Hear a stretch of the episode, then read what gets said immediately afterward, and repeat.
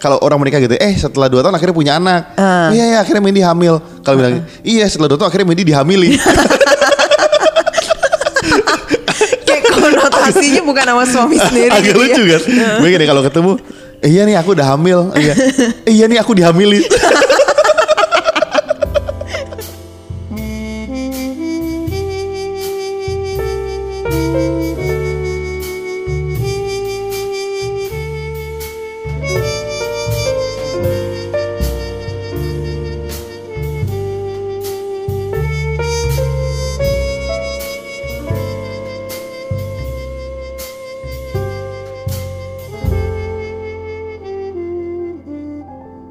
Hai kamu anak Indonesia.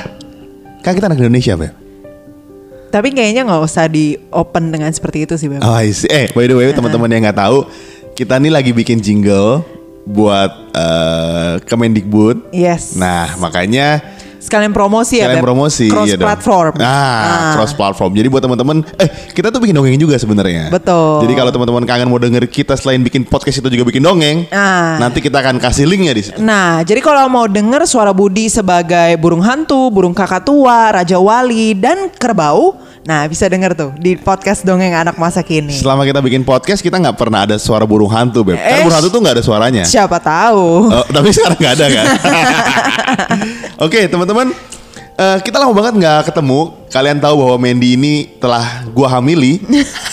oh iya kan? Ya, betul. Maksudnya akhirnya gua hamili dia Akhirnya berbuah. berbuah. Uh-uh. Berarti kalau kalian dengar episode kita yang kemarin, Ah. sperma gue membuahkan hasil. Nah, nggak jongkok, nggak jongkok ataupun tidur. Iya, Nah. jadi akhirnya kalau teman-teman nanya, selama ini si Kak Budi spermanya ke mana? Nah ini Nah ini jadi. Jadi. Selama tiga bulan kita vakum. kita vakum, Uh-uh. terus eh, kita mencoba mereka-reka apa yang akan kita lakukan berikutnya, mencoba menahan-nahan mual-mual Mandy. Nanti kita akan bahas spesifik khusus kali Beb ya. Ya, boleh, Tentang boleh. Kemuakan dia dan kemualan dia. terhadap suaminya.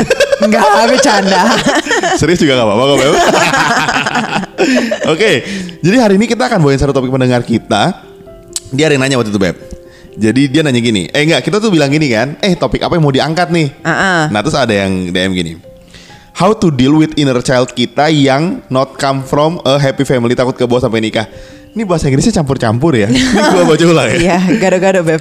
How ini berarti apa namanya? Mix Itu. salad apa? Enggak enggak. eh, bahasa Inggrisnya anak jaksel, anak-anak jaksel. Oh, ini anak jaksel kan gaul-gaul oh, gini kan. Oh, siap.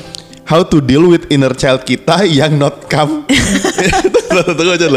How to deal with inner child kita yang not come from a happy family Takut ke bawah sampai nikah Hmm. Nah ini tau gak dari semua Dari berbagai macam Pertanyaan? Dari ribuan pertanyaan Ah, gue yakin sih ribuan. Iya. Iya. Kalau di Instagram kita post mungkin cuma 5 12 gitu Ah, 15. iya. Tapi yang masuk tuh ribuan. Ribuan, benar. Nah, kita pilih satu ini. Kenapa? Karena buat aku begini. Ini tuh jadi pertanyaan yang pasti banyak yang ditanyain. Sama sama saya mau menikah. Enggak, enggak, bohong, bohong. Sebenarnya Budi itu punya inner child yang masih child memang. yang udah nggak inner lagi, udah muncul di outer.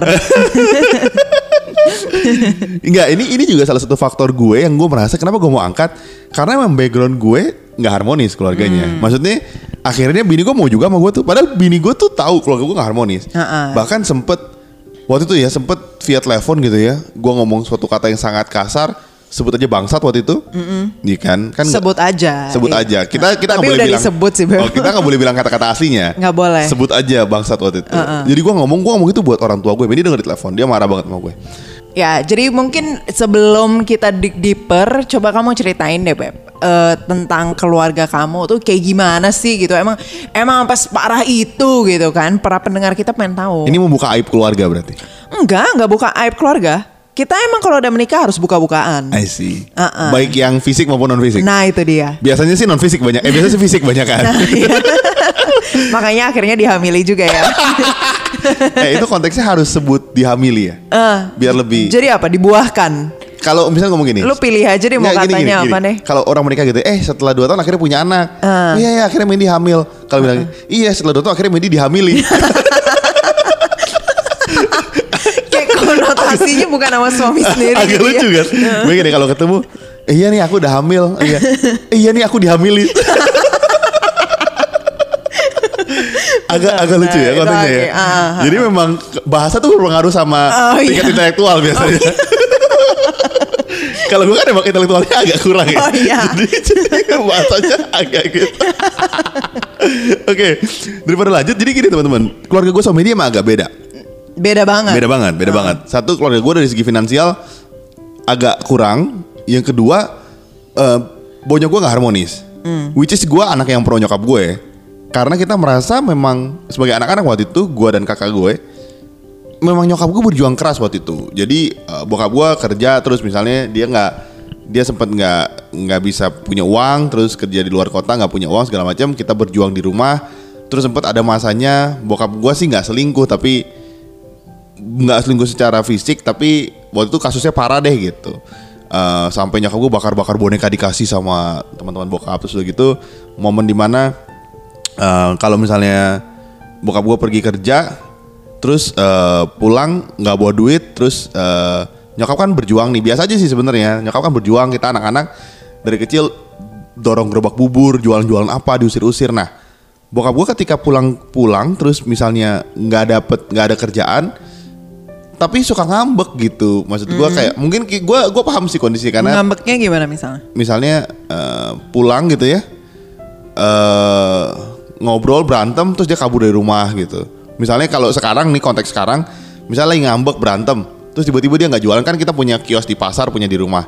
Tiba-tiba dia empat hari nggak jualan di pasar gitu tiba-tiba ngambek. Harusnya dia jualan tiba-tiba ngambek tiba-tiba tidur aja gitu. Ditanya nggak mau jawab apa kenapa? Diam aja. Udahlah kamu nggak tahu apa-apa gitu. Jadi itu terjadi di keluarga gue dan eh, memang sebagai gue dan kakak gue yang cewek itu memang sangat-sangat berat tuh, sangat-sangat pahit lah gitu. Nyokap kan berjuang keras banget karena kan kita lihat ya dari dari gue dari gue 6 SD, kakak gue 2 SMP itu kita mulai jualan di pinggir jalan tuh depan sekolah waktu itu. Jadi ngerasain lah pokoknya itu di luar kota kerja terus eh, kita di rumah berjuang diusir-usir orang jadi ngerasain kan udah mulai gede kan nah kalau teman-teman tanya kita tuh sakit hatinya kita tuh terlukanya kalau tanya brokennya bukan karena uang tapi karena kondisi emosional dan psikologisnya bokap gue sebenarnya. Jadi misalnya ditanya pah coba kerja ini aja. Eh, nggak tahu apa-apa kamu. Jadi verbal dan fisik itu berat sekali gitu. Kalau dari segi finansial sebenarnya karena dari kecil emang dari kelas 6 SD emang miskin jadi sampai SMA miskin ya biasa aja. Nggak karena konteksnya biasa aja gitu. Oke. ngerasa miskin kan jadi biasa aja. Nah tapi ketika udah tahu miskin tapi ndablek gitu Oh. nggak bisa develop dikasih tuh nggak ngerti itu yang bikin terluka kan. Mana nyerang nyerang nyokap terus waktu itu juga adik gue lahir. Jadi itu kondisinya berat secara emosional waktu itu. Gitu. Dan itu membuat pertengkaran banyak di rumah gitu ya. sehari around 3 sampai 4 kali biasanya zaman itu ya zaman Dan itu SMP. tiap hari? tiap hari jadi gue tuh udah biasa aja orang berantem biasa aja gitu. Ada masa-masanya sampai kayak uh, nggak bisa konsen gitu nggak sih di rumah karena teriak-teriak terus di rumah. terus- Oke. Sering banget makanya gue suka keluar gitu. Makanya sering pacaran sama Indi karena suka membuang beban masa lalu kan. Cigi gitu. Kayak berat banget ya Cigi Kayaknya gitu. berat banget. Nggak, nggak. Dia gue agak berlebihan. Tapi memang memang konteksnya tidak. Kalau lu bandingin sama keluarga normal, gue gue suka bilang gini sama Indi. Sama orang lain lah. Orang sih banyak gak percaya gue. Gue gue bilang gini. Kita kan orang. Uh, gue sama Indi agama Kristen. We do have faith gitu. Kita punya agama. Kita percaya. Kita berdoa. Gue kadang bilang gini ya. Buat orang-orang keluarga di luar sana. Kadang-kadang mereka nggak butuh Tuhan. Mereka hanya butuh dua. Punya salah satunya fine. Satu, keluarga harmonis. Dua, finansial cukup. Jadi kalau lu punya either salah satunya, lu cukup sebenarnya. Tanpa Tuhan. Gue even gue Kristen gue bilang gitu. Maksud gue waktu zaman itu gue ngerasa Untuk hidup maksudnya. Untuk hidup, iya. Untuk hidup di masa kini ya, bukan hidup di masa depan. depan. Enggak, gue gue harus bilang gue ngomong gini waktu itu sama dia gue bilang gini. Orang keluarga-keluarga yang punya yang punya uang yang cukup itu enak banget hidupnya. Lu nggak usah berjibaku untuk menghadapi kehidupan yang lain sekalipun yang harmonis. Atau lu nggak punya uang tapi punya keluarga harmonis itu lebih enak lagi hidupnya. Gitu. Tapi kalau lu udah uangnya kurang, nggak harmonis, itu rasanya big deal banget waktu itu. Ya, betul, betul. Makanya gue benci banget iri sama Indy karena udah dia kaya, harmonis lagi keluarganya. ceritain keluarga kamu, ceritain keluarga kamu. Enggak keluarga kamu sih, ceritain. jadi mungkin eh, yang membuat eh, kayak kontras banget gitu karena kayaknya Budi sangat kalau misalnya di digambarkan dengan warna tuh kayaknya hitam demek gitu ya. Sama kayak mukanya juga hitam, eh, demek. Iya, hitam demek terus bau gitu kan. Wah. Enggak, enggak bercanda. Dia ini baunya namanya. wangi, Beb maksudnya belum selesai Oh kamu iya, udah oke, oke, oke, potong. oke. Iya. nah maksudnya eh, ya kalau misalnya orang-orang bilang kayak gila keluarga lu harmonis banget men gitu. Mungkin susah juga ya karena karena dulu gue masih kecil jadi gue nggak punya bandingan gitu. Gue merasa kayak nggak pernah ada pertandingan keluarga paling harmonis se Indonesia gitu nggak. Kamu merasa semua Jadi keluarga begitu kali? iya jadi gue merasa ah enggak ah kita juga pernah berantem kok gitu. Kita juga iri-irian ada masalahnya sendiri gitu. Iya, iya. tapi memang di depan orang ya memang like uh, a perfect family portrait lah Iya, gitu iya. kan. Nah secara finansial juga cukup. Jadi kelihatannya wah happy happy go lucky banget gitu Nah terus mungkin abis itu kan kok bisa ya kalian bertanya-tanya kok bisa ya menikah sama Budi. Nah itu itu juga mungkin Nah, itu- suatu misteri ilahi kali ya. Nge- Atau mungkin kamu terjebak waktu itu, kayaknya nggak sadar ya. kayaknya kamu pelet waktu itu deh. eh ini ini justru menarik kalau ada orang tanya bisa gini web ini ini kasus sering umum ini cowok cewek salah satunya biasanya biasanya ya misalnya keluarga cowoknya nggak harmonis gitu berantem ceweknya tuh takut atau bisa juga ini konteks ini mungkin ceweknya yang takut Betul, dia betul. merasa kalau nanti pas gue menikah dia kebawa sama karakter keluarga gimana? Iya, benar, Waktu kan kamu udah lihat aku sama keluarga gue nggak harmonis iya kan? iya banget, sampai serem bahkan. Sampai serem bahkan gitu. Heeh, karena kan maksudnya yang Budi ceritakan itu kayak glimpse lah gitu loh. Glimpse tuh apa ya? Glimpse tuh em, eh, apa kayak ha- preview lah, Oh. preview doang. ujung, ujung, Istilahnya ujung. kalau lu nonton waduh, waduh. film gitu ya, lu kayak lihat previewnya, terus habis itu lu akan decide lu mau nonton tuh film apa Atau enggak. enggak, Eh, gitu iya, kan. iya, nah, iya, iya. istilahnya yang Budi kasih kan baru preview-preview ya gitu. Gue belum nonton film sepenuhnya, belum nikah nih gitu kan. Terus mulai takut kan, aduh gimana ya, apalagi apa eh, istilahnya Budi sering kalau misalnya telepon terus habis itu dia lagi bete terus dia biasanya diem dia nggak mau cerita terus habis itu eh, Ya. kadang-kadang juga kalaupun cerita tuh kayaknya wah berat banget deh pokoknya. Yang istilahnya gue nggak pernah eh, ketemu kayak masalah seperti itu gitu seumur hidup gue. Jadi agak sedikit serem jujur waktu awal-awal. Waduh gimana nih? Ntar kalau misalnya gue punya keluarga kayak gitu juga kalau misalnya menikah sama dia gitu. Jadi memang itu ada keraguan yang muncul sebelum menikah sama Budi sih. Tunggu tunggu tunggu tunggu. gitu. Itu putus dulu tapi. Tapi aku mau pamer dulu. Tapi setelah menikah aku gitu nggak? ya enggak. Ah ini loh, nggak ini memang sekaligus Bu, ajang Beb, ajang ajang Beb, pamer. Lu sebenarnya. tahu nggak sih kalau misalnya lu ngomong kayak gitu ya, itu istilahnya lu em, apa belum belum belum klimaks tapi lu udah klimaksin. nggak enak rasanya. Jadi gua potong ya? kayaknya eh, eh, lu kayak potong paksa ah udah deh gitu. Selesai aja deh di sini gitu. Ini konteks klimaksnya apa ya sebenarnya? cerita cerita Beb. Oh, bukan- narasi bukan klimaks yang lain ini? bukan narasi narasi kamu kamu jangan eh, eh, mentang-mentang udah dihamilin terus habis itu semuanya ke hal-hal fisik gitu dong eh, ini ini kan poin menarik. Waktu itu pasti takut dong, karena kita sempat ngobrol banyak waktu itu. Dia, dia sempat bilang, gue ingat banget, kalau kamu nggak maafin papa, aku nggak mau menik pacaran sama kamu. Waktu itu sampai gitu. Iya, iya, betul, betul, Jadi gue sih bilang iya iya aja gitu. Tapi mungkin Yaudah dia juga ntar lupa gitu karena Medi kan suka agak pelupa jadi gue bilang ya udahlah iya iya iya iya gitu nah what makes you so sure untuk build a relationship sama aku Well, kalau misalnya ditanya gitu sih, what makes me so sure? Ya nggak sure sih sebenarnya waktu Waduh. itu, nggak sure sure banget gitu I see, ya. oke. Uh-uh, karena em, apa ya istilahnya? Kan kita itu menikah itu cuma tahu palingnya 10% ya gitu. Oke. Jadi kita nggak tahu apa yang akan terjadi di masa depan gitu istilahnya. Hmm. Tapi mungkin yang membuat suatu kelegaan adalah em, apa ya? Lihat dia secara pribadi outside the context of the family gitu loh. Jadi maksudnya ketika aku ngejalanin hidup eh, sama suamiku ini, bener sih kita menikah sama keluarganya juga gitu ya.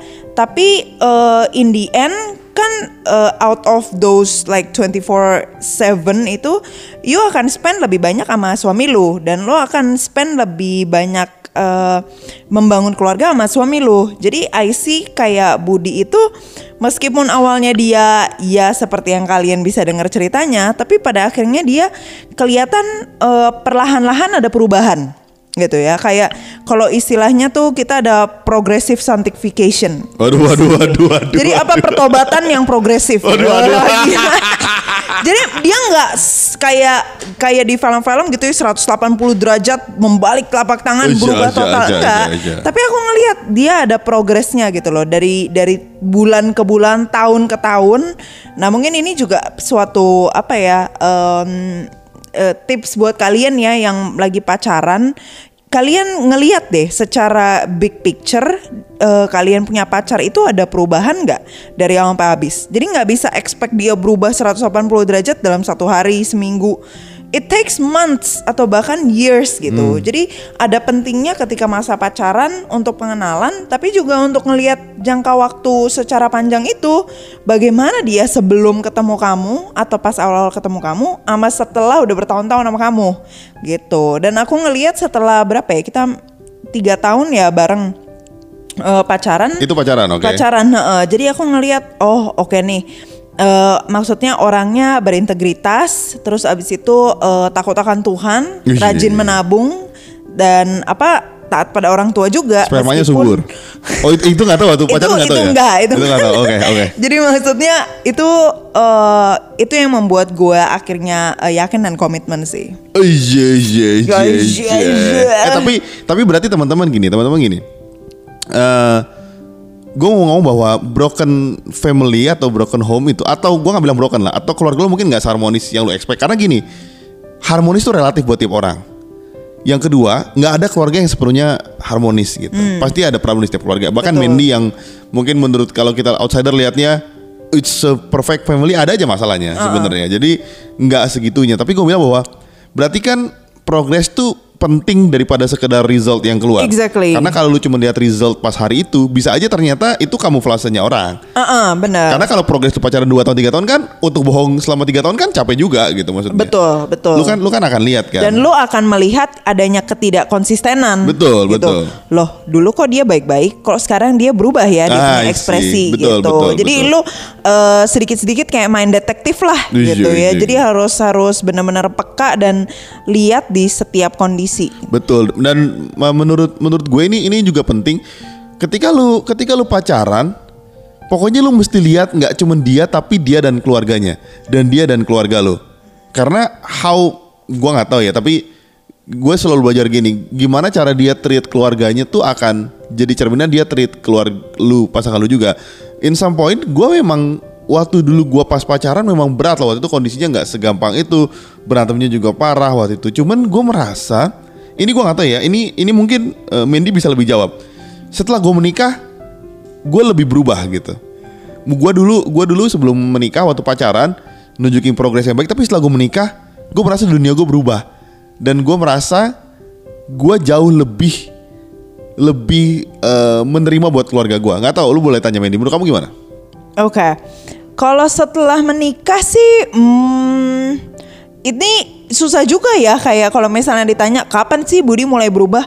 Susah di pinpoint gitu di exact same date and time kapan dia berubah. Tapi emang berasa sih ketika pas awal-awal gitu ya gue inget eh, ke masa lalu pas kita masih pacaran di mana dia eh, marah-marah moody ngambek. Tiap kali misalnya let's say papanya punya episode eh, kayak gitu gitu. Terus habis itu dia eh, mencak-mencak dan kadang-kadang mungkin ikutan ngambek juga dan diemin gue selama tiga hari Iya, which is iya, kan, iya, which is kan nyebelin ya. What what the heck gitu maksud Iya, gue. iya, iya. tapi eh, lama kelamaan ke sini oh udah mulai berkurang ya. Yang tadinya diemin tiga hari terus cuma dua hari Wih. terus cuma sehari terus Wih. mungkin cuma 18 jam gitu nah jadi jadi itu sih yang aku ngelihat ada progres dan ketika gua trace back ke masa lalu oh oke dia dia lama kelamaan berubah juga ya gitu dan sangat signifikan kalau lu lihat Budi sekarang dan Budi masa lalu Oh, ja, ja, baik ja, secara ja. emosional dan juga secara fisik karena dia dulu jelek banget Tunggu, kenapa jadi itu kalian bisa lihat di eh, dengar di episode-episode kita sebelumnya bagaimana gue mendeskripsikan eh, yang sekarang menjadi ayah dari baby gue. Itu jelek banget dulu beneran ya ampun. Kurus, dekil, apa aduh pokoknya jelek banget deh ya Jelek ampun. banget sih. Uh-uh. Kalau sekarang gue hitam dulu sih tetap hitam sebenarnya, tapi dulu hitamnya parah banget. Kayak kayak tikus kejebur got gitu. tapi aku nggak nyangka kamu mention yang soal jelek itu sih.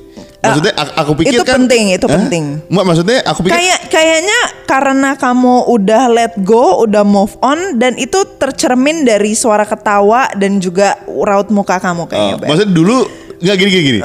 Dulu tuh eh, kalau dikatain jelek nggak nggak let go karena merasa nggak menerima bahwa gue jelek. Ah. Kalau sekarang gue merasa emang dulu gue jelek. Jadi lebih let go kan ketawanya Ah, kan. Iya benar. Jadi lu lu lebih mempertonjolkan apa hal-hal yang mungkin ya lu nggak jelek-jelek banget lah. eh, tapi ini berhubungan sama yang aku pengen bagiin sebenarnya. Sebenarnya gini teman-teman. Gue cuma bilang gini. Terus eh, gimana caranya yang keluarga lu nya misalnya berantakan gitu ya, eh, ancur-ancuran. Terus gimana caranya itu nggak kebawa di keluarga lu berikutnya? Itu kan Nah, pertanyaan iya, sebenarnya betul kan. dong, betul. Kita ini kan tadi bahas tentang keluarga nggak Nah gini. Beb, jadi Nah. bangun narasi nih kayak gini Mulai perlahan-lahan opening gitu kan Asik. Ada konflik Nah ini baru klimaks Nah coba coba silakan silakan Jadi kita tuh sekarang lagi menuju klimaks nih ya sebenarnya. ya. lagi benar-benar uh gitu ya.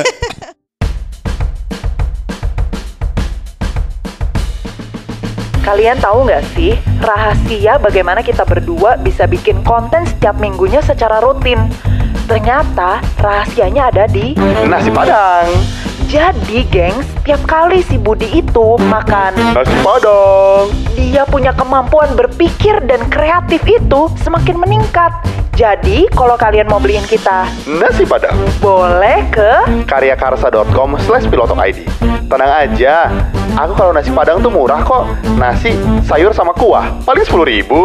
Iya, karena kemampuan perut Budi akan bertambah dengan cepat kalau dia makan karbohidrat aja. Jadi, jangan lupa ke karyakarsa.com slash pilotokid untuk support kita ya. Oke, jadi gini teman-teman. Ini pertanyaan semua orang biasanya. Pertanyaan banyak orang tanya gimana caranya supaya gue make sure gue tahu bahwa nanti karakter keluarga gue gue nggak bawa di pernikahan gue atau pasangan kalian gitu. Betul, betul. Menurut gue cuma satu solusinya. Enggak sih, cuma dua kayaknya. Yang pertama, lu Ini ini kalau misalnya kayak dosen ini ini dosen nggak persiapan Oke lanjut. ada dua. Yang pertama, lu menerima bahwa keluarga lu emang begitu. acceptance gitu ya. Acceptance. Dulu begini kasusnya.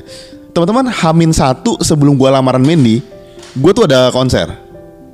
Jadi waktu Oh itu- ya?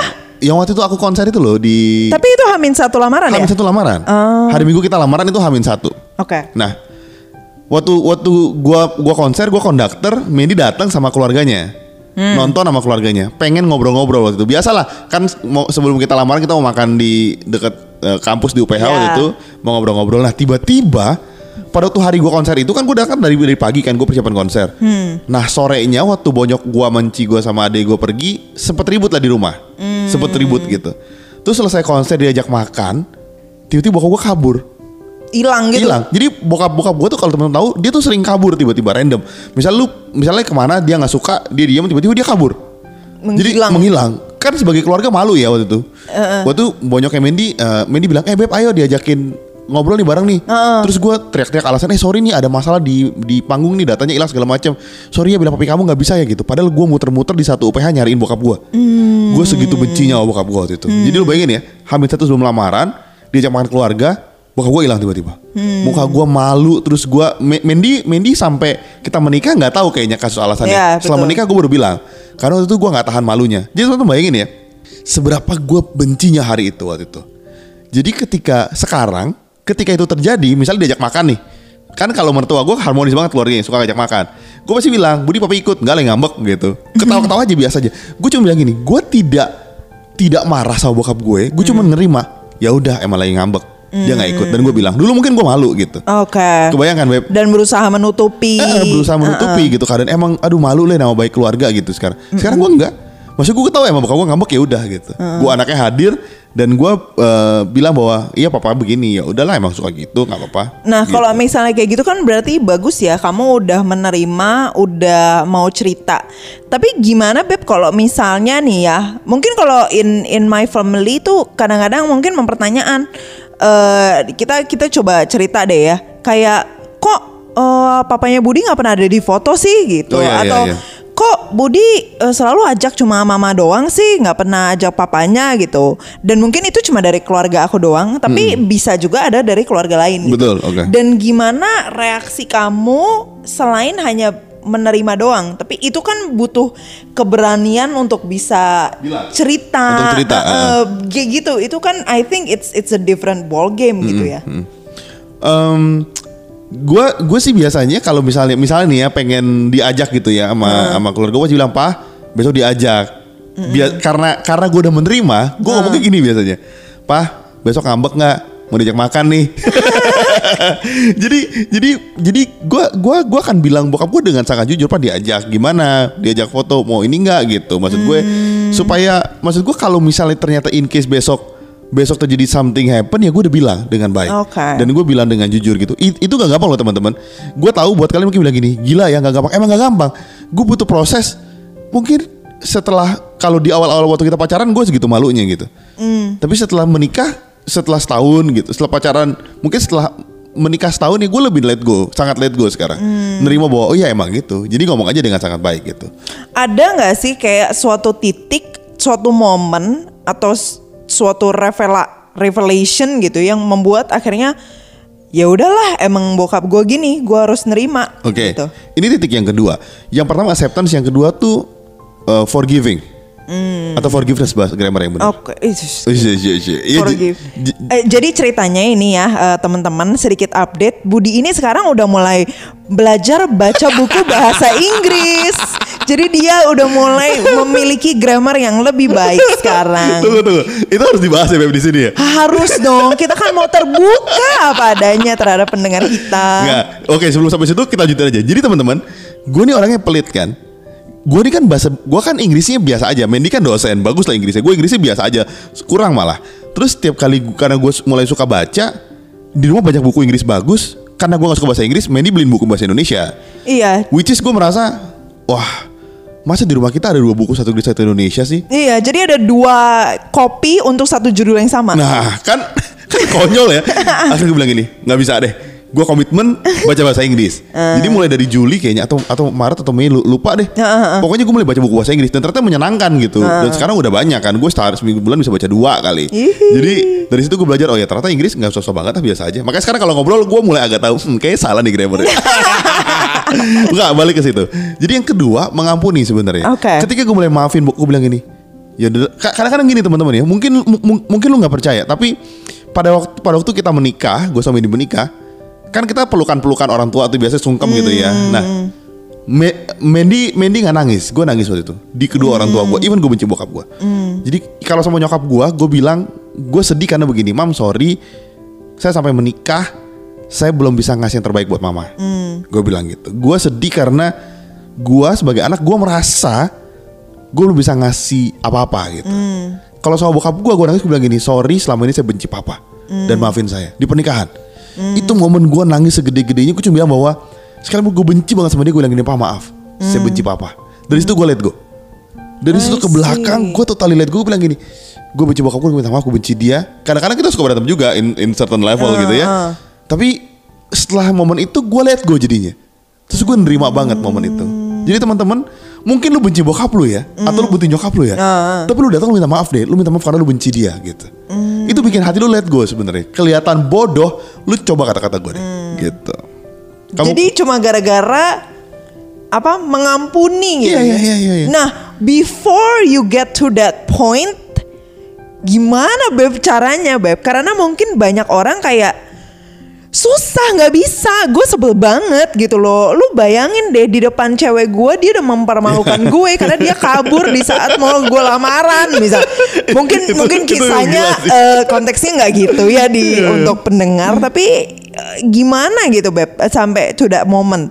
Apa karena emang udah menikah eh, memulai lembaran baru atau aku aku rasa ada ada banyak faktor ya tapi Nah. tapi salah satu faktor yang paling signifikan sebenarnya gue bilang gini bahwa gue nggak mau bawa culture ini di keluarga gue yang berikutnya jadi maksud gue gue harus let go gue gua nggak mau bawa culture yang keluarga gue ini gue harus bilang ya eh gue nggak mungkin jadi begini tanpa bokap nyokap gue Betul, maksud gue betul, betul. maksud gue masa kecil gue Good bokap gue good or bad Iya. they are my parents Betul. gitu maksudnya ada banyak habit baik gitu tapi kan kita juga tahu dong kita nggak mau bawa semua aspek itu di keluarga kita yang baru gitu. Oke. Makanya gue decide, gue decide, gue harus eh, mengampuni bokap gue. Gue mau let go dari kehidupan dia. Hmm. Jadi kayak kemarin ulang tahun. Ini gue, ini Mendy juga tahu. Bokap gue ulang tahun 10 Oktober. Heeh. Iya jadi gue gua tanya keluarga gue, bokap gue ulang tahun nih besok. Eh, kayaknya nggak ada yang mau celebrate. Kalau nyokap pasti celebrate ulang tahun. Karena sayang. Kalau bokap mungkin nggak ada. Terus gue bilang ini, yuk kita beliin kue ulang tahun, beliin hadiah. Even sederhana gue bilang gitu. Maksud gue, it never happens before. Tapi we do it gitu. Untuk bilang bahwa iya gue udah let go dan gue bilang papi ulang tahun ya gitu. Foto dia seneng maksud gue. Jadi kadang-kadang kalau teman-teman tanya, em, kalau lu kalau lu benci sama keluarga lu gitu ya, parents lu gitu ya, lu sebel sama mereka, nanti yang lu sebel itu akan masuk ke diri lu dan lu akan akan jadi habit di keluarga lu sebenarnya gitu. Karena kadang orang orang orang bilang Enggak, gue benci banget sama dia. Nanti lu jadi begitu, gitu. lu akan jadi persis yang lu benci gitu. Oke. Jadi gua gue sih bilang buat teman-teman kalau lu ngalamin mungkin lu punya mungkin kalau punya kalau lu punya keluarga kayak gue atau bahkan even worse gitu ya, lu coba deh. Karena efeknya akan beda banget gitu. Itu sih. Mungkin kalau mau aku bisa ringkas gitu ya, eh apa yang membuat kamu bisa eh, move on? Yang pertama mungkin eh, ketemu cewek yang spesial gitu ya, kayak aku misalnya. sombong kan? Yang yang membuat kamu kayak, aduh cewek ini begitu spesial dan aku mau membahagiakan dia dan make babies with her gitu kan. Jadi aku mau berubah dan membuat suatu keluarga yang bahagia. Dan make gitu babies kan. with her, Nah, kan? itu gitu kan. Jadi bagi kalian yang mendengar eh, yang pertama adalah ya Make cari babies with her. no eh, cari pasangan yang membuat kalian pengen eh, menjadi orang lebih baik. Eh, setuju. Yang pengen hidup kalian eh, hidup baru gitu. Setuju. Jadi ketika orang bilang selamat menjalani hidup baru, itu bener-bener like you really mean it dan mengimani bahwa iya, gua mau menjalani hidup baru dan mau memutuskan tali apa ya yang yang me- menggantungi gue dari masa lalu Hmm, gitu istilahnya. Eh, kalau yang baik bolehlah dibawa, tapi kalau misalnya baggage baggage yang istilahnya eh, dari masa lalu, lo harus lepasin Ah, gitu setuju. dan mulai sesuatu yang baru dengan eh lo punya suami atau lo punya istri gitu dah.